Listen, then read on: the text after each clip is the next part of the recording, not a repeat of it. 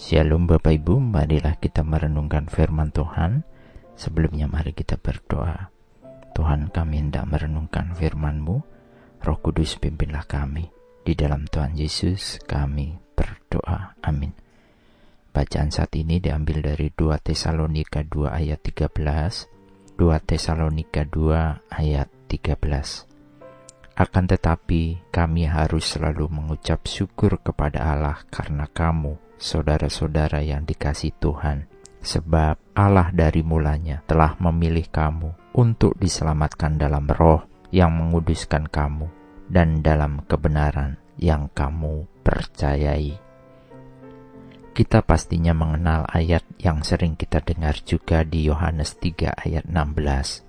Karena begitu besar kasih Allah akan dunia ini, sehingga ia telah mengaruniakan anaknya yang tunggal, supaya setiap orang yang percaya kepadanya tidak binasa, melainkan beroleh hidup yang kekal.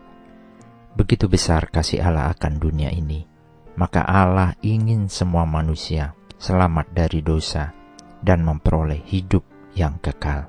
Di sini tergambar kepada siapa keselamatan dan hidup kekal ditujukan, yaitu kepada semua orang, semua orang di dunia ini.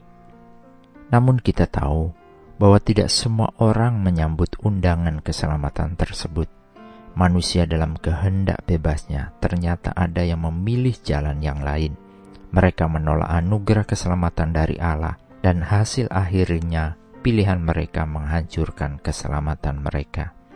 Sehubungan dengan tawaran keselamatan Allah, di dalam Alkitab jelas kita membaca bahwa Allah memilih masing-masing untuk keselamatan berdasarkan pilihan yang Allah tahu akan manusia buat suatu hari nanti. Di dalam kemahatawanya, Tuhan tahu pilihan yang akan kita buat, bahkan sebelum kita dikandung dalam rahim ibu kita. Tuhan mendasarkan pemilihan Tuhan ini pada pilihan kehendak bebas yang akan dibuat oleh setiap individu, yaitu siapa pun yang percaya pada nama anak tunggal Tuhan tidak akan binasa, tetapi memiliki hidup yang kekal. Bukankah saat ini kita banyak bisa menyaksikan di dalam channel-channel di sosial media kita kesaksian bagaimana orang yang menolak Kristus, bahkan dari mereka yang dilahirkan dari keluarga Kristen sekalipun atau bahkan ada yang menerima Kristus karena panggilan itu nyata terjadi dalam hidup mereka walaupun latar belakang mereka bukan dari keluarga pengikut Kristus. Pilihan itu Tuhan sudah tahu, tetapi Tuhan tetap menyampaikan bahwa keselamatan itu ditujukan bagi semua orang. Apakah kita mau menyambutnya? Bersyukurlah kita, Tuhan mengenal kita secara dekat sebelum Dia membentuk kita di dalam rahim. Dia memilih kita di dalam Kristus dia akan selalu bersama kita untuk memenuhi tujuannya melalui hidup kita. Karena Tuhan menyelamatkan kita dan memanggil kita untuk menjalani kehidupan yang kudus. Dia melakukan ini bukan karena kita pantas mendapatkannya, tetapi karena itu adalah rencananya dari sebelum permulaan waktu untuk menunjukkan kepada kita kasih karunia-Nya yang besar melalui Kristus Yesus. Amin. Mari kita berdoa.